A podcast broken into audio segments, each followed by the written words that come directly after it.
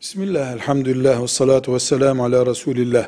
Müstehcen yani çıplak bir vaziyette değilse insan, otururken, yaslanırken, yatarken, yürürken zikir yapabilir, dua yapabilir.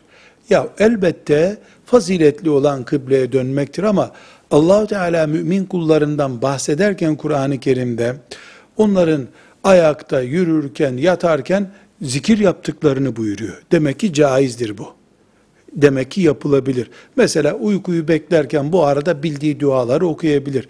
Mülk suresini okuyacaktır yatarken ki en büyük zikir, en büyük dua Kur'an-ı Kerim'dir.